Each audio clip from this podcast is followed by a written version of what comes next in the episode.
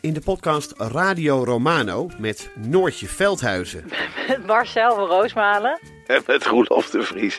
brengen we alle drie elke week een zogenaamde signalering mee. Wat heb jij nou weer bij je? En aan het eind bepalen we wie de winnaar van de week is. Echt een angstcultuur Lege huls die je er bent? Ja, dat gaat eigenlijk altijd onvriendelijk. Luister nu naar Radio Romano bij Podimo. Via podimo.nl slash Radio Romano luister je 30 dagen gratis. Je rijdt dus door een oorlogsgebied op een, op een vellig, terwijl het keihard regent en overal pikdonker wordt. Nee, we durven niet te stoppen. En eh, ja, eh, Joep is nooit bang. Joep Vermans, de kamerman, die was nu ook echt bang.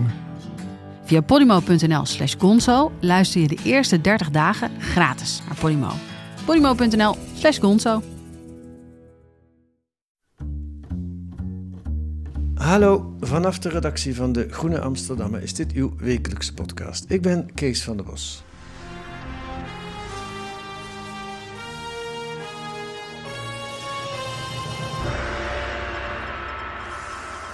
Goedenavond. Een dikke, dikke onvoldoende voor het leesniveau van de Nederlandse scholieren. De leesvaardigheid van 15-jarigen is naar een dieptepunt gezakt. Dat blijkt uit het zogenoemde PISA-onderzoek, dat om de paar jaar de vaardigheden van scholieren meet over de hele wereld. Nederlandse kinderen zijn achteruit gegaan in wiskunde en natuurwetenschappen, maar dat is nog niets in vergelijking met de leesvaardigheid van scholieren van 15. In deze grafiek is het leesniveau te zien van 14 landen in de EU en daarboven die lijn Nederlandse scholieren zaten daar jarenlang, maar nu schiet hij dus scherp naar beneden. Grote vraag is natuurlijk, hoe kan dat? Ja, hoe kan dat? Vandaag gaan we dat onderzoeken. 1 op de drie 15-jarigen heeft een leesniveau waarmee je niet voldoende kunt deelnemen aan de maatschappij. Ze kunnen overheidsbrieven niet lezen, de krant niet, ingewikkelde websites, bijvoorbeeld om iets, een uitkering aan te vragen. Het gaat allemaal niet lukken. 1 op de drie. Hoe kon dat gebeuren? In De Groene deze week onderzoeken drie journalisten de onderwijsmarkt. Want ook het onderwijs is een markt geworden, of is de markt de baas geworden, met alle gevolgen van dien. We gaan het bespreken met de drie auteurs, Michelle Salomons, Machteld Veen en Sylvana van den Braak. Welkom. Dankjewel. Dankjewel. Ja, dat, dat hebben jullie niet ge- georganiseerd, hè, dat er vorige week dit bericht eh, naar buiten kwam. Nee, dat nee. was toeval, ja. Waren jullie eigenlijk verrast? Want je bent dus al een paar maanden met dit onderzoek bezig. Zag je dit al wel aankomen of niet? Nou, de, de inhoud wel, denk ik. Maar ehm, ja, we waren, we waren ehm, heel druk aan het schrijven eigenlijk nog. Aan de laatste loodjes. En, eh, Maar we wisten natuurlijk al wel dat de leesvaardigheid achteruit ging. Ja, precies. Dus de inhoud was eh, voor ons niet nieuw, nee. die signalen kreeg je al in de gesprekken. Ja, Ja. Eh, we gaan jullie even eh, doornemen. Sylvana was de laatste aan het woord. Eh, jij werkt bij Investico. Jullie werken alle drie bij Investico. Eh, hoe lang werk jij er al, Sylvana? Ehm, ja, best lang. Zes jaar, denk ik. Zeven jaar? Zes jaar, ja. En Machteld, jij? Een stuk korter, eh, ruim een jaar nu. En werk je, is dit als freelancer of werk je echt bij Investico? Nee, ik werk echt bij Investico. Ja. En Michelle? Drie jaar. En ook bij Investico? Freelancer. Jij bent freelancer? Ja. Ja, ik ook trouwens. Ja. Oh, oké. ook Ja. dacht je- oké.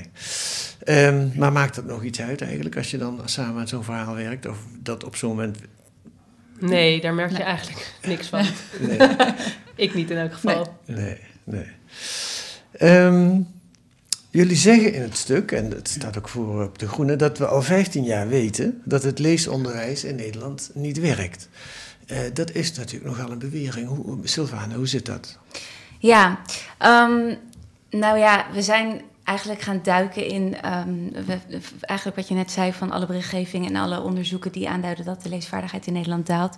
De afgelopen jaren Ehm, we wilden kijken van oké, waar komt dit nou door? Ehm, en we wilden daar- daarin eigenlijk in de inhoud van eh, wat er in de klaslokalen gebeurde duiken. Ja. Dus de aanleiding was al niet dit bericht, maar wel het, het signaal dat het slecht gaat met het ja, leesonderwijs. ja, Nederland. want dat was wel ja, heel Ja. duidelijk Ja, eigenlijk. Ja, Ehm, en we zijn toen gaan kijken van oké, hoe komt dit? Hoe is het onderwijs ingericht dat dit eigenlijk gebeurt? Ja, want het is heel onbegrijpelijk eigenlijk toch, dat het gebeurt, denk ik, als leek buiten het onderwijs. En waarom is, waarom is het onbegrijpelijk? Ja, waarom zou het onderwijs aan kinderen, het leesonderwijs, achteruit gaan? Ik bedoel, Ja. dat, dat, dat ken je toch als leraar, dan weet je toch hoe dat moet. En Dat gaat toch, je wordt toch steeds slimmer, zou je denken. Het, gaat, het blijft gelijk of het gaat vooruit. Waarom zou dat ineens zo achteruit hollen?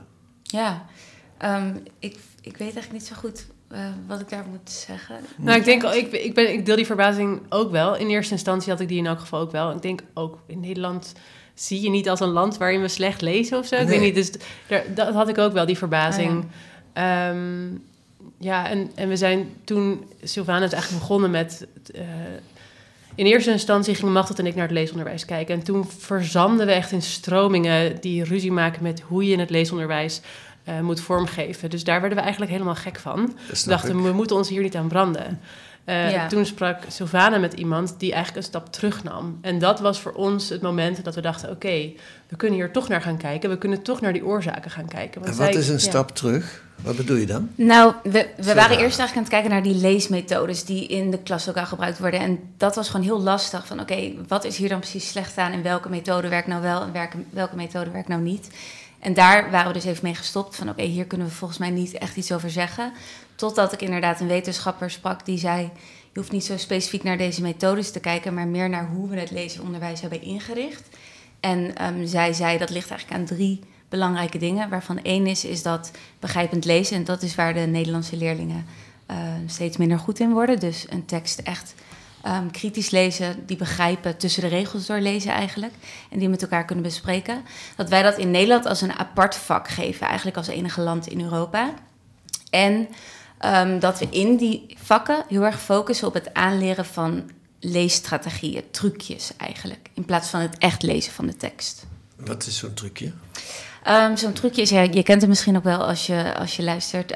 Bijvoorbeeld eh, dat je een, een, een thema van een tekst moet eh, aanduiden. Of dat je bijvoorbeeld aan de hand van kopjes of aan de hand van signaalwoorden moet voorspellen waar de tekst heen gaat.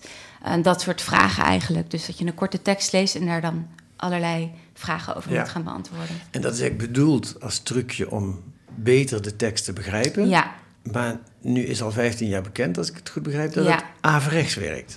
Klopt. Of nou, ja, averechts werkt. Het idee is inderdaad dat het een hulpmiddel is. Dus Ja. stel je leest een tekst en je denkt, oh, ik, ik snap het niet. Nou, dan zou je dit kunnen doen om het wel beter te begrijpen. En Ja. dat in verschillende teksten toe te passen. Maar in het Nederlandse onderwijs zijn we eigenlijk zo gaan focussen op die leesstrategie aanleren. Dat leerlingen ehm, ook niet meer echt weten wat ze aan het doen zijn. En dit ook niet in een andere tekst kunnen toepassen. Eh, en daar gaat het eigenlijk mis. Ja. En dat is al 15 jaar geleden in een groot onderzoek aangetoond. Ja, 15 jaar geleden is er een onderzoek gedaan, eigenlijk een eh, literatuurstudie over wetenschappelijke onderzoeken eh, naar leesstrategieën, waaruit blijkt dat, ehm, ja, dat het eigenlijk niet effectief is en soms zelfs ook een negatief leerresultaat oplevert. Ja. Maar dan, dan zou je denken, dan is dat een reden om daarmee te stoppen of daar iets aan te veranderen. Ja, ja dat, eh, dat dachten wij ook. Dat hebben we ook gevraagd aan, aan eh, de mensen die we hierover spraken. Van hoe, hoe kan het nou dat, eh, dat we dit al zo lang weten en dat we Ja. dat dan dus niet oplossen? Ehm, ja, er is niet een eenduidig antwoord op. Maar ehm, wat, wat, wat denk ik de conclusie is, is dat, en dat zij een leerkracht eh, die hier dus nu erg mee bezig is om het leesonderwijs op zijn school te verbeteren. ehm, eh, Is dat die leerkracht aan het eind die er dan afgestapt Ja, is en die klopt. iets heel anders is gaan doen? Ja. Komen we dadelijk ook Oh, nog oké. op, maar dan weet ik het vast. Ja. Ja. die zei eigenlijk heel mooi van... kijk, ik, ik ben hier elke dag aan het werk... en ik, ik zie eigenlijk alleen de vier eh, muren van mijn klaslokaal. En dat wetenschappelijke onderzoek, dat komt daar niet zo terecht. Nee. Ehm, en het onderwijs is in die zin eigenlijk de enige partij in het onderwijs... die als primaire doel heeft om beter onderwijs te geven. En die andere kant van het onderwijs, dat is een commerciële markt. Dus uitgevers die methodes op de markt brengen... die willen ook dat hun me- methode verkoopt. Ehm, en die hebben ook, omdat er is aangestuurd vanuit de kerndoelen, heet dat dan. Dus waarin we bepalen wat kinderen moeten leren vanuit het ministerie. ehm, op aangestuurd om bijvoorbeeld heel erg eh, taalvakken los eh, aan te bieden.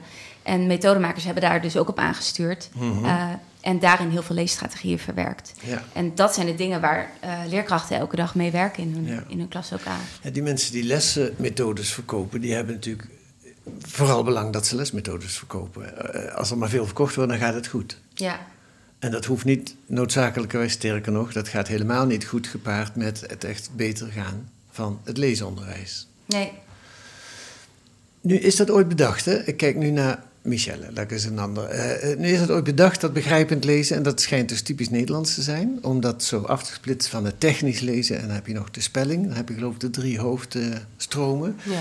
Weet jij nog, of anders mag, uh, mag dat het ook zeggen, of uh, Sylvana ook, maar waarom, wat zat er toen achter? Wie heeft dat bedacht en wat, wat was het idee daarachter? Nou ja, het was ooit het, het idee dat dit dus wel effectief was. En het is ook zo dat als je trucjes leert, je beter wordt in die trucjes. Het wil alleen niet zeggen dat je die trucjes overal en altijd kan toepassen. Mhm. En begrijpend lezen is niet een, uh, een. Dat is een. Dat is iets in samenhang. Uh, je moet ook achtergrondkennis hebben als je een tekst leest. Je moet die kunnen. Uh, Sylvana vertelde over. Een, volgens mij was dat weer die leerkracht. Maar uh, bijvoorbeeld als je zegt, er zitten twee kinderen op de achterbank, dan moet jij weten dat de auto een achterbank heeft. Ja. Als je dat niet weet, dan weet je niet dat het om een auto gaat. Er komt dus veel meer kijken bij begrijpend lezen dan signaalwoorden herkennen, een hoofdgedachte vinden, um, verbanden leggen tussen verschillende delen in de tekst. Je moet ook achtergrondkennis hebben. En ik denk dat die onderzoeken die destijds werden gedaan naar leesstrategieën, want daar gaat het dan om. Um, die tonen misschien wel aan dat die kinderen op zichzelf een, een, strategie op een gegeven moment in de vingers kregen. Maar het, het, zegt niks voor je vaardigheid om begrijpend te kunnen lezen. Nee, dat snap ik. Dat blijkt ook uit die onderzoeken. Maar ik wil het nog. Okay. Het zit niet echt in jullie onderzoek hoor, maar ja? misschien weet je het toch wel. Ooit heeft iemand bedacht of, uh, om dat wel zo te splitsen en die, ja. dat, ja. uh, die oh, trucjes in te voeren. Waar was dat toen een oplossing voor?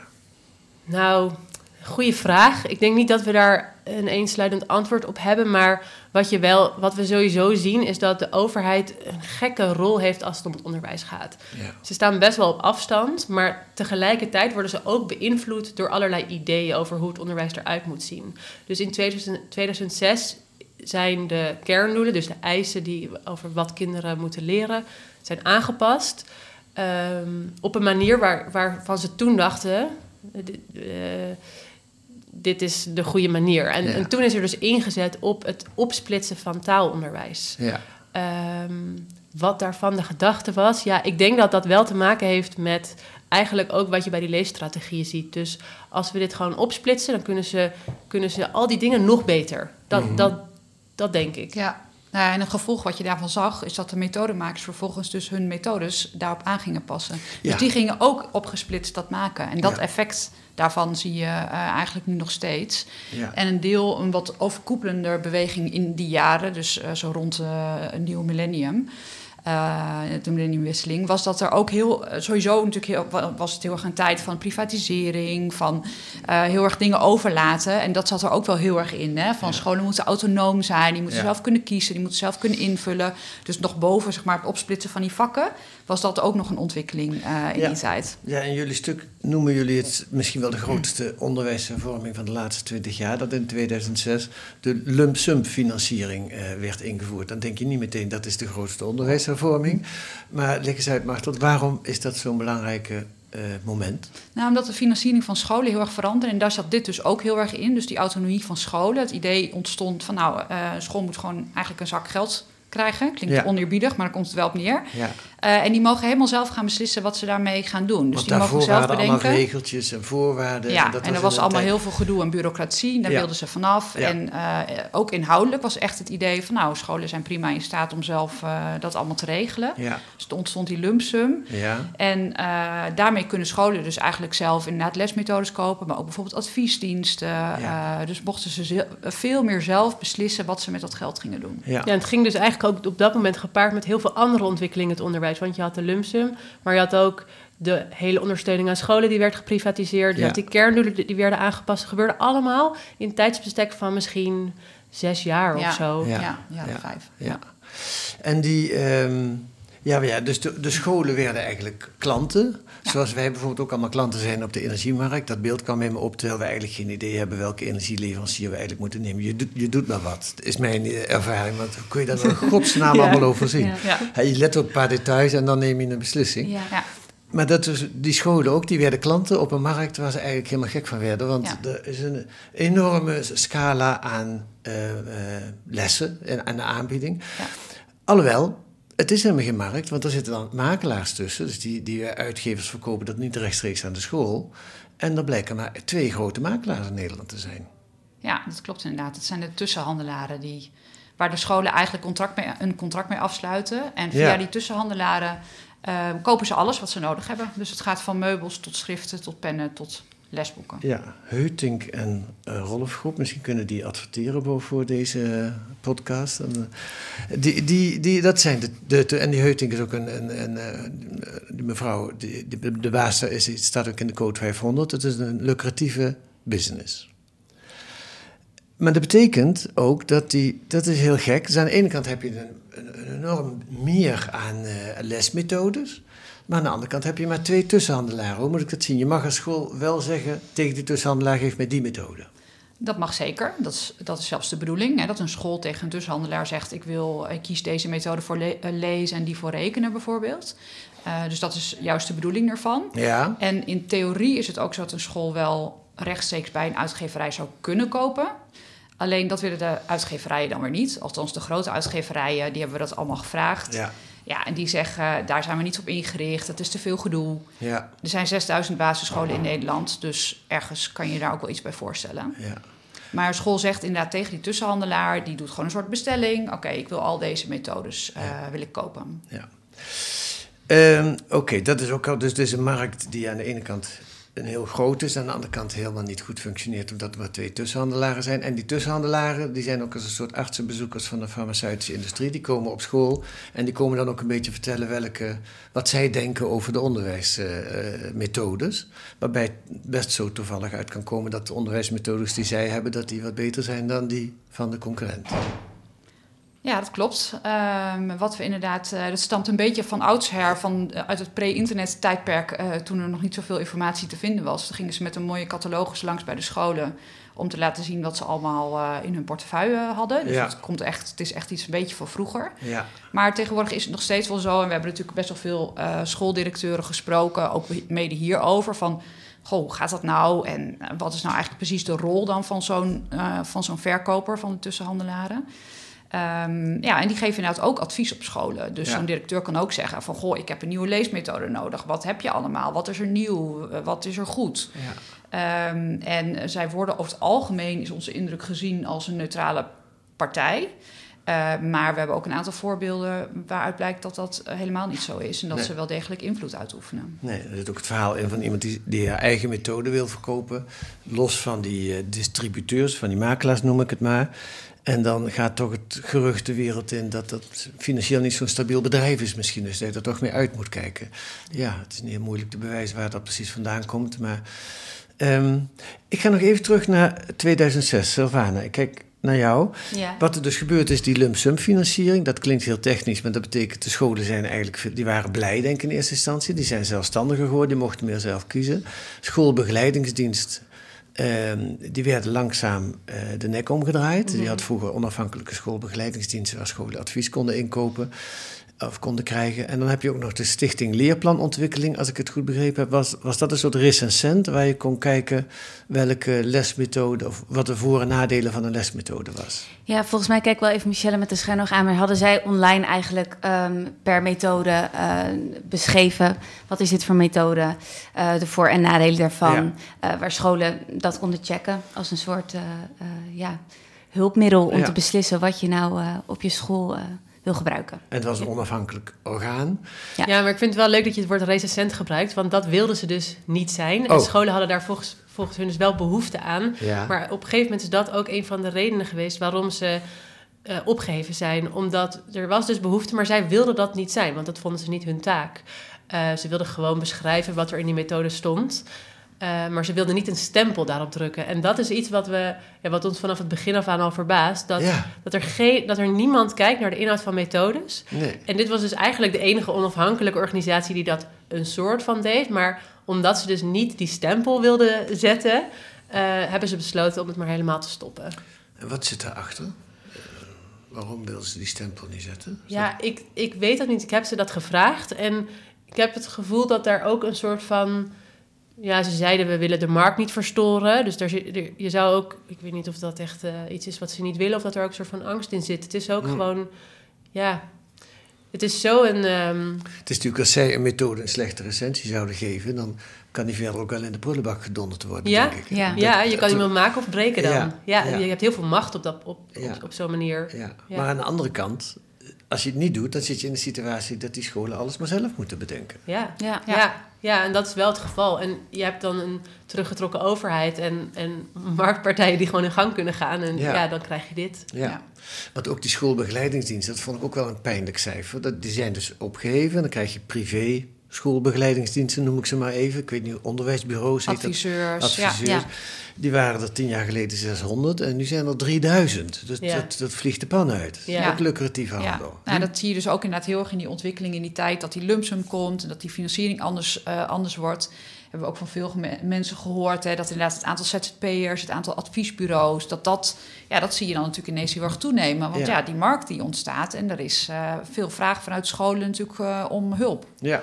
Ja, en wat ook wel interessant daarin is, wat, dat zei een eh, schooldirecteur tegen mij, wat wij ons ook beseften, van je hebt eigenlijk zo'n enorme markt met allerlei commerciële belangen. En je hebt daar aan de andere kant heb je de scholen die eigenlijk helemaal niet zo zakelijk zijn, ehm, die daar wel mee moeten dealen en beslissingen in moeten nemen. Ja. Ehm, en inderdaad, we hadden het net al even over het leesonderwijs, maar dat is ook weer zo'n voorbeeld waarin eh, het dus heel moeilijk is voor een school om daaruit uit dat systeem te ontsnappen om Ja. iets te doen wat ze graag willen doen, namelijk goed onderwijs geven.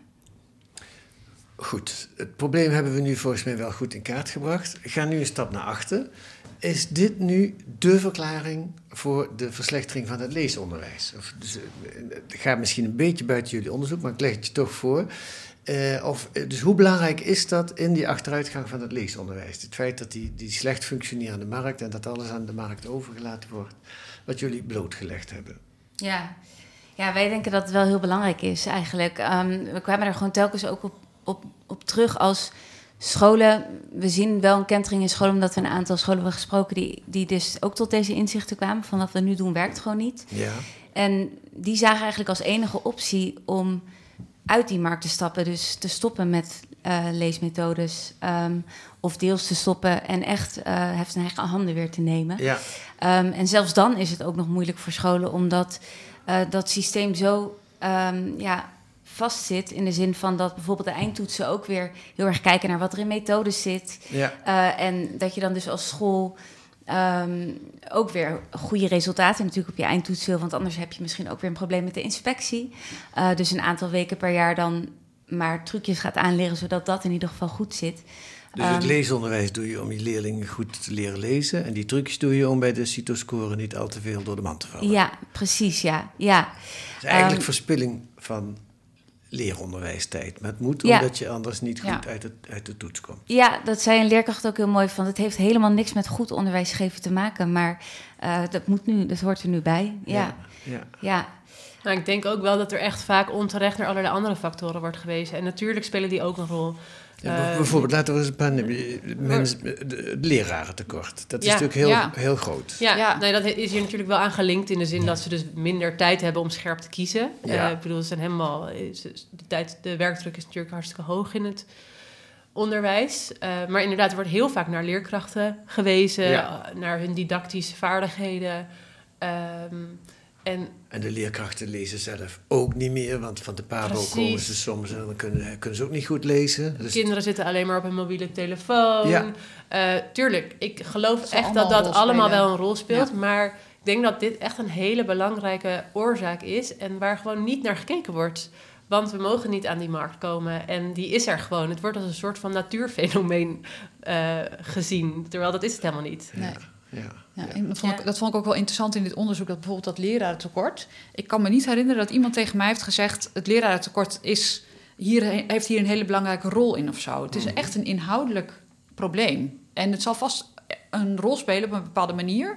Maar ik, denk, ik geloof niet dat ik mensen heb gesproken die dat echt als een heel belangrijke reden hiervoor hebben genoemd. Nou, sterker nog, ik vind het eigenlijk wat wij heel erg zien in dit onderzoek: van oké, er zijn eigenlijk allerlei, allerlei partijen die iets aan kunnen doen, maar niemand doet het, Ja. behalve de scholen, ondanks Ja. het lerarentekort. En Ja. het kost ontzettend veel tijd om dan zelf een les voor te bereiden en rijke teksten te zoeken in kinderliteratuur of in de krant en die Ja. met je leerlingen te bespreken. Ja. Maar dat doen ze wel. En zelfs dan, ook bij de school waar ik dan was, vertelde die directeur van...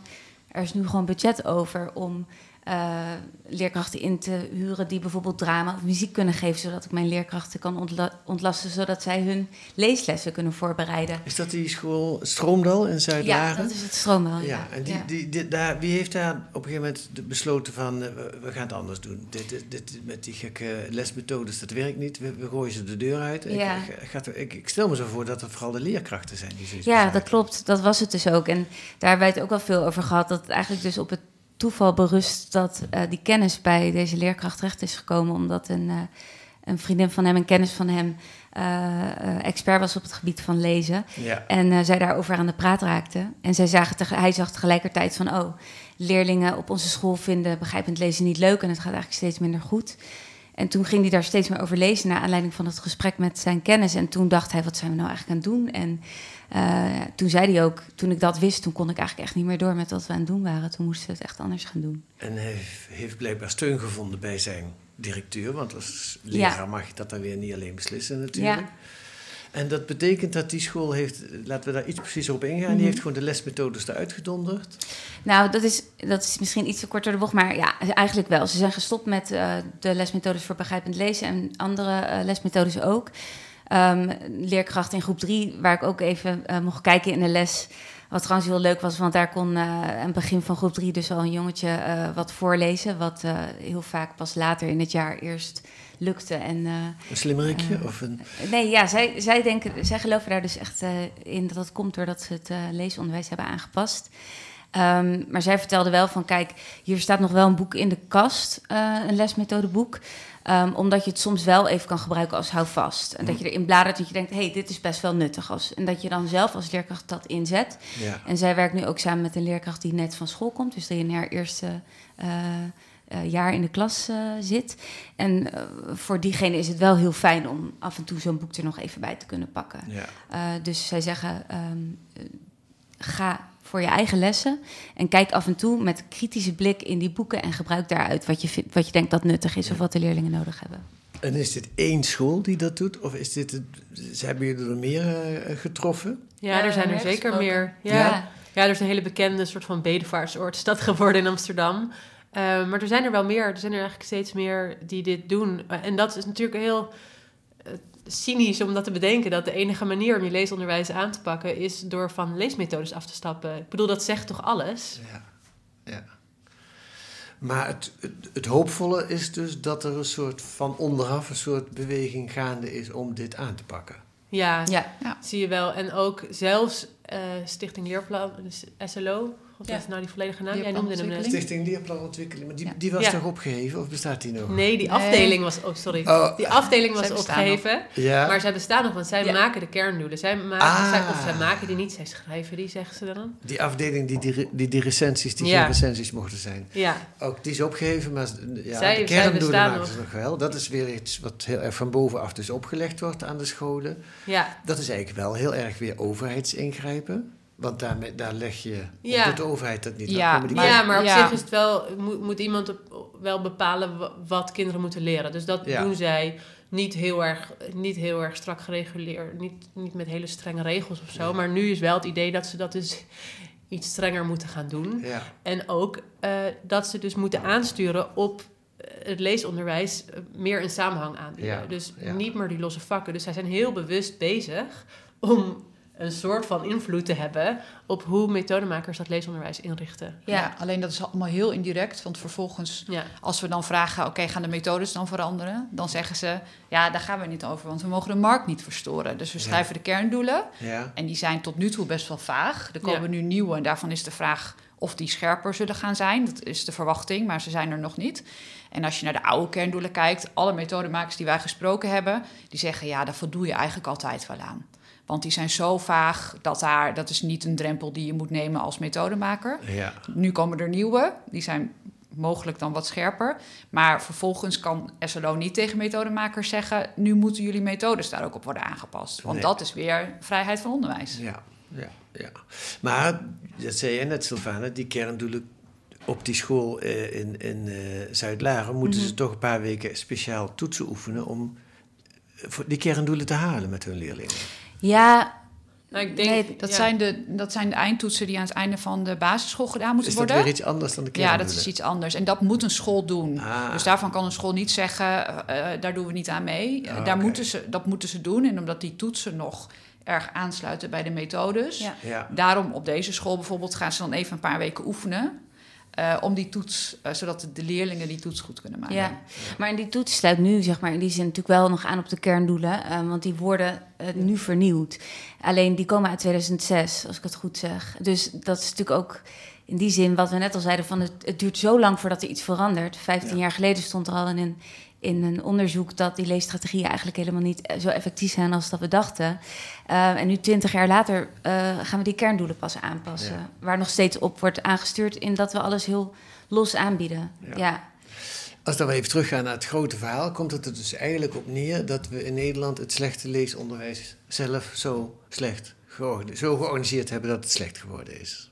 Absoluut. Ja, Ja. zeker. Dat is een hele accurate samenvatting. Ja. Ja, ja. maar En, ook, en, en ook dus weg hebben gekeken, hè? Of, of in ieder geval genegeerd hebben wat er al bekend over was. Want het is niet zo alsof iedereen dacht dat dit goed was. ja. Eh, maar ja, wat Savannah net zei, het komt gewoon niet in het klaslokaal terecht. Er is, geen, er is niks ingericht om ervoor te zorgen dat, daar, eh, dat het daar terecht komt, die Ja. kennis. Ja, dat is toch heel gek eigenlijk, als je daar van een afstandje naar kijkt. Ja. Ja, Ja. ja. Als je het zo zou willen inrichten, zou het heel moeilijk zijn. Bedoel, als je het onderwijs zou willen inrichten dat de leerlingen slecht lezen, zou je heel lang moeten bedenken hoe zou ik dat eens aanpakken. Maar ja. hier is het onbewust, niemand wi- wil dat echt natuurlijk. Nee. Nee. Is het Nee. toch gebeurd? Nee. ja. Ja. ja, en wat dus ook wel interessant is, dat schrijven we ook in het stuk van. ehm, dat de markt er niet per se baat bij heeft om heel erg voorop te lopen wat betreft die wetenschappelijke inzichten over wat nou wel of niet werkt. En dat zie je dus nu ook bij Ja. die scholen die dus nu langzaamaan wel iets proberen te doen. Eh, de school waar we, waar we het over hebben, dus het Stroombel, die zes jaar geleden al besloten van we gaan dit anders doen. En daar heeft laatst een uitgeverij bij op de deur geklopt van... hé, hey, mag ik eens kijken hoe jullie dit doen? Want we kunnen daar misschien wel wat mee voor in onze methodes. Eh, Dus Ja. dan zie je ook die reactie van de markt. Als er vraag naar is, dan, kunnen, dan willen we ons er wel in verdiepen. Ja. eh, maar niet Ja. andersom. Ja. Of zeg ik dat nu heel hard? Nee, ik denk dat dat heel... Zo werkt de markt, Ja. denk Ja. ik. Ik bedoel, waarom zou je een methode gaan ontwikkelen als je hem niet kunt verkopen? Dat, eh, ook al is die heel goed. Ja, Ja, ik denk gewoon dat aan de ene kant heb je dus die vrije markt... en aan de andere kant heb je de vrijheid van onderwijs. En die, die combinatie, Ja. dat, dat, dat creëert iets... eh, waar je dan nu niet de vruchten van plukt. Ja, En, of is dat, dat, klopt te- niet helemaal, die, eh, die analogie volgens mij, maar... Ik was onderwijl gewoon een vraag aan het bedenken. Dus dat mag, mag, de, mag de luisteraar helemaal zelf bepalen. Is, is mijn, want we, ik heb eigenlijk nog twee vragen aan jullie. Of de ene is een soort hoofdvraag van... Als ik dit dan lees, dan denk ik... eh, Is dat een soort schreeuw om de overheid weer terug te krijgen op de onderwijsmarkt? Ik weet niet of het de overheid is, maar wat ik, wat ik echt ongelooflijk vind, is dat er niemand kijkt naar de inhoud van lesmethodes. In ieder geval een onafhankelijke organisatie die wordt opgericht om hier naar te kijken. Of om scholen te ondersteunen bij het kiezen. ja. Eh, dus het hoeft niet per se te zijn dat ze nou allemaal alle, alle touwtjes strakker aantrekken. Helemaal niet. Maar ja, wel iets van begeleiding of ondersteuning. ja. Vanuit een onafhankelijke hoek. Dus niet Ja. de tussenhandelaren Maar, het maar net dan kom je... De enige onafhankelijke hoek die ik dan kan bedenken is de overheid. Tuurlijk, Ja. dat is ook Ja. zo. Ja, nee, sorry. Ik dacht dat je bedoelde van dat ze nog eh, specifieker gaan zeggen wat en hoe kinderen moeten leren. Mhm. Ehm, ik denk dat er op zich wel wat te zeggen is voordat er vrijheid van onderwijs is. Ja. Maar ja, Ja. nee. Ja. Ja, zijn jullie het er ook mee eens? ja Mhm. zeker. Ja. Dan ga ik nog een heel ander rondje doen tot slot. Eh, jullie zijn hier een half jaar mee bezig geweest. Eh, we hebben het over de onderzoekmethode hebben het niet gehad. Maar ik ga gewoon één vraag aan jullie alle drie stellen. Ik begin met Michel, kan die er kortst over nadenken. Nee, wat als, van dit hele onderzoek heeft jou het meest geraakt? Wat vond je het meest... eh, ja, ja, ik vind het echt wel heel erg dat we al zo lang weten wat er misgaat. Wat dus betekent dat er elk jaar kinderen van school komen die niet goed kunnen lezen. Terwijl we weten waarom ze dat niet kunnen en daar dus niks aan doen. Dat vind ik, dat vind ik wel echt heel erg. En dan blijven we allemaal kijken naar... oh, het is dit jaar, vorige week dat, ra- dat rapport dan... of twee weken geleden van... oh, het is, het is weer op een dieptepunt. Eh, en dan, dan kijken we elkaar allemaal aan. Ja, en daarna gaat het weer over Daarna de kabinetsformatie. en over drie jaar gaat het weer achteruit. Ik, Ja. ik denk wel dat er nu een kentering is, maar ik vind het wel heel erg dat dit zo lang heeft Ja. geduurd. Nee, wat mij wel opviel vorige week na dat bericht, dan verwacht je toch eigenlijk dat iedereen een rep en roer is en dat er Ja. eh, verschrikkelijke dingen. Maar dan, nou ja, iedereen roept plichtmatig, zowat, eh, de, de minister is bezorgd en de onderwijsvakbonden vinden dat er een groot plan moet komen. En het volgende onderwerp komt Ja. weer aan bod. Ja. Maar goed, nu zit ik te vertellen wat mij eraan opviel. Eh Machtel, je mag ook, ik, ik bedoel eigenlijk ook in het onderzoek zelf, wie je gesproken hebt allemaal, wat je gelezen hebt. Wat, Ja. wat was een moment waarop je zei, shee? Ehm, nou, dat zit voor mij eh, inhoudelijk zeker, ben ik het met Michel eens. Als je, hè, als je kijkt naar de kinderen en gewoon wat het allerbelangrijkste natuurlijk eh, daarin aan is. Mhm. Wat ik het meest fascinerend vond, was toch echt het marktstukje. Eh heb ik me ook het meest mee bezig gehouden, dus misschien komt het daarvan. Maar eh, volgens mij zei Sylvana het net ook al eventjes, hè, van het is zo'n gekke, gekke wereld eigenlijk, dat je aan de ene kant een commerciële markt hebt en aan de andere kant die onderwijzers, waar we gewoon best wel veel van gesproken hebben, die daar echt natuurlijk niet zit voor de harde centen of eh, voor de statuur, maar gewoon met het beste van hun hart daar onderwijs aan het geven zijn. Ja. En eigenlijk zo'n heel sociaal beroep hebben en dan aan de andere kant zo'n harde markt. Die werelden die zien elkaar eigenlijk helemaal niet. Althans, vanuit het onderwijs is er niet zo heel veel zicht op de, de, zeg maar het commerciële karakter van de andere kant van de markt. Ja. Dat vond ik wel een heel fascinerend inzicht, wat ik echt niet had kunnen bedenken voordat we hieraan, eh voordat we hieraan begonnen. Oké, eh Sylvana? Ja, eh, we zijn het heel erg eens. Want ik sluit me sowieso aan bij Michelle en eh.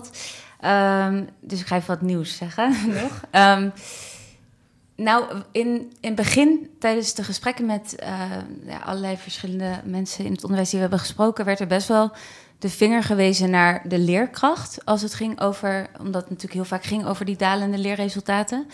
En ehm, uiteindelijk hebben we nu zo'n ander antwoord in, in onze stukken laten zien dat we eigenlijk eh, met een hele harde commerciële markt te maken eh, hebben die heel veel invloed hebben op wat er in het klaslokaal eigenlijk gebeurt. En daar hebben wij het heel vaak over gehad. Wie bepaalt wat onze eh, kinderen leren? Ehm, en eh, dat vond ik wel heel belangrijk, dat we dat hierin duidelijk maakten. In plaats van ehm, dat we elke keer gingen kijken naar eh, de leerkrachten in... Tuurlijk moeten we dat doen en, en kritisch daarover zijn... in wat er op de papo's gebeurt en wat er in, in de klaslokalen gebeurt. Maar ik vond het heel belangrijk en dus ook... Voor mij was het heel erg nieuw dat de markt eigenlijk zoveel invloed heeft op wat er dus gebeurt en hoe eh, leerlingen van school komen. Ja. Ja.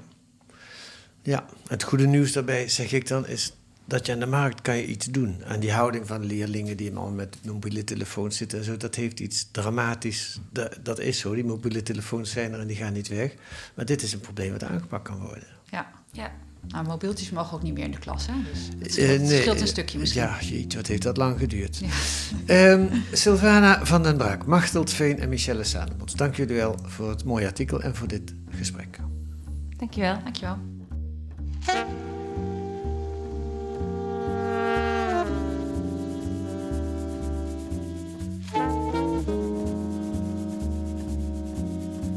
Wat staat er nog meer in De Groene deze week? Een essay van hoogleraar moderne politieke geschiedenis Annelien de Dijn over de terugkeer van het paranoïde nationalisme. Wat zou ze daarmee bedoelen? Een stem voor radicaal rechts is volgens haar geen proteststem, maar een stem voor een bepaald programma. De bescherming van de natie, het eigen volk, en tegen interne en externe vijanden. En een reportage over de academische vrijheid op onze universiteiten. De oorlog in Gaza zet namelijk de verhoudingen op de campussen op scherp.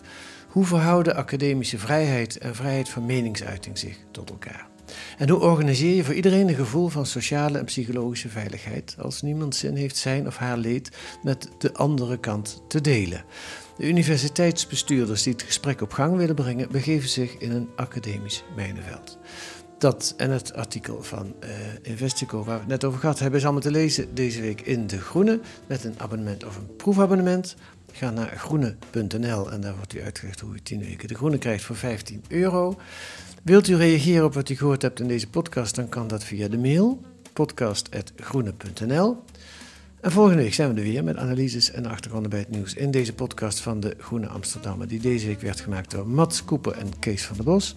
De muziek is Tune for N van Paul van Kemenade. Tot volgende week.